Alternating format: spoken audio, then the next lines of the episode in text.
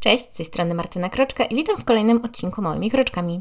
Dzisiaj postanowiłam opowiedzieć trochę o odpowiedzialności. Niewątpliwie każdy z nas jest odpowiedzialny za swoje czyny. Są też sytuacje, w których odpowiedzialni jesteśmy za innych. Jakie? No to zaraz się dowiecie. Tak więc może zacznijmy od odpowiedzialności indywidualnej. Jak wspomniałam w odcinku 39, jak zostać bohaterem, możemy być właśnie bohaterami, będąc odpowiedzialnym. Między innymi poprzez na przykład y, etyczne wybory konsumenckie. Jeśli ktoś na przykład myśli, że to nie ma jakiegokolwiek sensu, no to od razu mówię, że ma, ponieważ jest popyt, jest podaż, firmy chcą jak najwięcej zarobić, więc jeżeli widzą, że jest zapotrzebowanie na bardziej, nie wiem, eko, bio rzeczy, tak, że ludzie zwracają uwagę na to, czy są właśnie etyczni, no to zaczną być tacy, tak, siłą rzeczy, chcąc, nie chcąc. No i e, właśnie aktualnie bardzo modna jest ekologia. I właśnie są produkty bio, wegańskie, nawet wegańskie, szampony, kosmetyki, tak, i inne tego typu rzeczy, czy nawet ubrania. Więc dużo przedsiębiorstw idzie właśnie w tę stronę. No niestety niektórzy z nich tylko pozornie. I na przykład y, mówiąc, że ich produkty są eko, tak, bo mają biodegradowalny kartonik czy coś w tym stylu, podczas gdy na przykład cały pozostały produkt nie jest ekologiczny, bo jest na przykład tworzony czy w czasie łańcucha dostaw, czy cokolwiek. Są rzeczy, które no bardzo wpływają negatywnie na środowisko. I jest to tak zwany greenwashing. I o tym mówiłam e, w moim drugim odcinku podcastu, czyli CSR, czyli Społeczna Odpowiedzialność Biznesu, więc zainteresowanych odsyłam do tego odcinka. Odpowiedzialność indywidualna e, również oprócz wyborów konsumenckich odnosi się do dbania o środowisko poprzez przykład segregację, oszczędzanie energii, nieśmiecenie, niepalenie śmieciami, a także poprzez edukację. Już niejednokrotnie wspominałam, że największą bronią właśnie jest edukacja ponieważ jest to potężne narzędzie. I moim zdaniem takim naszym społecznym obowiązkiem jest edukowanie innych, którzy po prostu danej wiedzy nie posiadają. Mam przez to na myśli, że jeśli widzimy, że ktoś śmieci, zwróćmy mu uwagę. Ktoś zachowuje się rasistowsko, homofobicznie, seksistowsko, czy wybierz sobie cokolwiek innego w to miejsce, to po prostu zareaguj. Jeśli masz możliwość przeprowadzenia merytorycznej dyskusji z rodziną, ze znajomymi, to wykorzystaj te szanse. I podkreślam jeszcze raz, merytoryczną dyskusję, ponieważ wzajemne przekrzykiwanie się i rzucanie argumentami z tak zwanej dupy no, do niczego nie doprowadzi. Też nie trzeba od razu tłumaczyć całego danego zagadnienia, ale na przykład jeden aspekt. Warto wykorzystywać szanse do prowadzenia rozmów na ważne tematy, jeśli tylko znajdziemy jakiś punkt zaczepny zwłaszcza wśród dzieci i osób starszych. Uświadomianie jest kluczowe dla zmian świata na lepsze. Warto też podczas rozmowy dostosować ten temat i sposób mówienia pod naszego rozmówcę, czy w sumie odbiorcę. Inaczej będziemy tłumaczyć ważność edukacji seksualnej pięcioletniemu dziecku, które zapyta nas, co to znaczy, bo usłyszało w telewizji na przykład, a co innemu pięćdziesięcioletniemu dorosłemu, który żyje kłamliwym przekonaniem, że to zajęcie mające na celu zrobienia z dzieci masturbujące się wszędzie osoby ze społeczności LGBT, tak?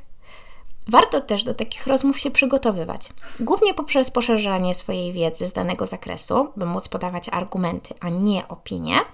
A poza tym, na przykład dla mnie osobiście, nieocenioną skarbnicą wiedzy są social media.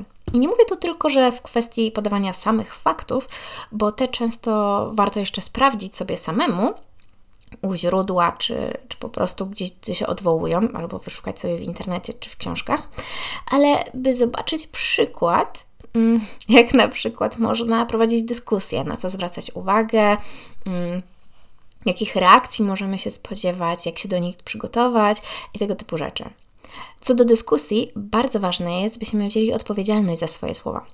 I słowa potrafią krzywdzić, o tym też już wspomniałam w jednym z moich odcinków. Dlatego warto się zastanowić, jakie konsekwencje mogą mieć wypowiedziane przez nas słowa. Gdzieś usłyszałam bardzo ciekawe zdanie, i to chyba mówiła Joanna Okuniewska, że warto się zastanowić, czy chce się mieć rację, czy relację. I w sumie poniekąd się zgadzam z tym, mm, bo czasami gryzę się w język, by nie sprawić przykrości innym, co nie zmienia faktów, że jak na przykład słyszę coś idiotycznego czy krzywdzącego, to po prostu reaguję. I czasami nie obchodzi mnie to, czy ktoś potem się na mnie obrazi, czy nie, czy będzie mnie lubił. Już nieraz jakiś członek rodziny strzelił na mnie focha i bo miałam się, wiecie, śmiałość wdać się w dyskusję i udowodnić, że dana osoba się myli, ale mnie osobiście to nie przeszkadza. Są gorsze rzeczy, naprawdę. Nie zmienia to jednak faktu, że jeśli ktoś, że jeśli kogoś obraziłam, tak, to staram się przeprosić. Tak samo jeśli powiedziałam jakąś głupotę. Ale to wiadomo też w zależności od sytuacji. Ale dobra, teraz możemy przejść do odpowiedzialności za innych. Po pierwsze, jesteśmy odpowiedzialni za każde żywe stworzenie, jakim się zajmujemy. I zacznijmy może od zwierząt. Jako ich opiekunowie jesteśmy odpowiedzialni za ich stan zdrowia, za to, czy zaatakują kogoś lub pobrudzą. Jeśli nie jesteśmy w stanie zapewnić podstawowej opieki nad zwierzęciem, typu jedzenie, woda, schronienie, czy chociażby odrobina miłości, to powinniśmy przemyśleć, czy powinniśmy mieć zwierzę, bo one też po prostu czują to wszystko. Ostatnia rzecz, na jaką, za jaką jesteśmy odpowiedzialni, no to są nasze dzieci. No, przynajmniej do jakiegoś czasu, aż osiągną wiek, gdzie wszelkie konsekwencje będą spadały na nie, a nie na nas, ale no, nie czarujmy się, że dziecko radzi sobie w życiu w zależności od tego, jak zostało wychowane w dzieciństwie, tak? Oczywiście nie można obarczyć w 100% rodziców, bo są też inne czynniki, jak towarzystwo, reszta rodziny i wiele innych, tak? Ale jednak te rzeczy są, no, według mnie przynajmniej w mniejszym stopniu. To rodzic pokazuje dziecku świat. Uczy go odróżniać dobro od zła, wybierać dobre towarzystwo i tego typu rzeczy. To rodzice są w znacznej mierze odpowiedzialni za dziecko, ponieważ są dla niego przykładem. I w sumie może, może nie będę rozwijać tego tematu bardziej i zrobię o tym osobny odcinek.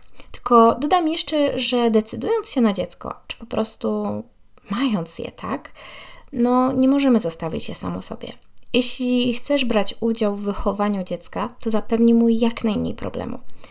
E, jeśli nie chcesz brać udziału w sumie, tak, jeśli nie chcesz, no, nieważne. No to w każdym razie, no to jeśli nie chcesz brać udziału w wychowaniu dziecka, no to mówię, zapewnij mu jak najmniej problemów.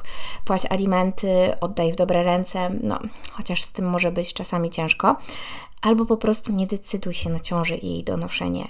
I to ostatnie, no to jest do kobiet, tak? Tak więc, moi drodzy, podsumowując, jesteśmy odpowiedzialni w 100% za siebie i za swoje decyzje. Musimy ponosić odpowiedzialność za zwierzęta, które mamy pod swoją opieką i za swoje dzieci.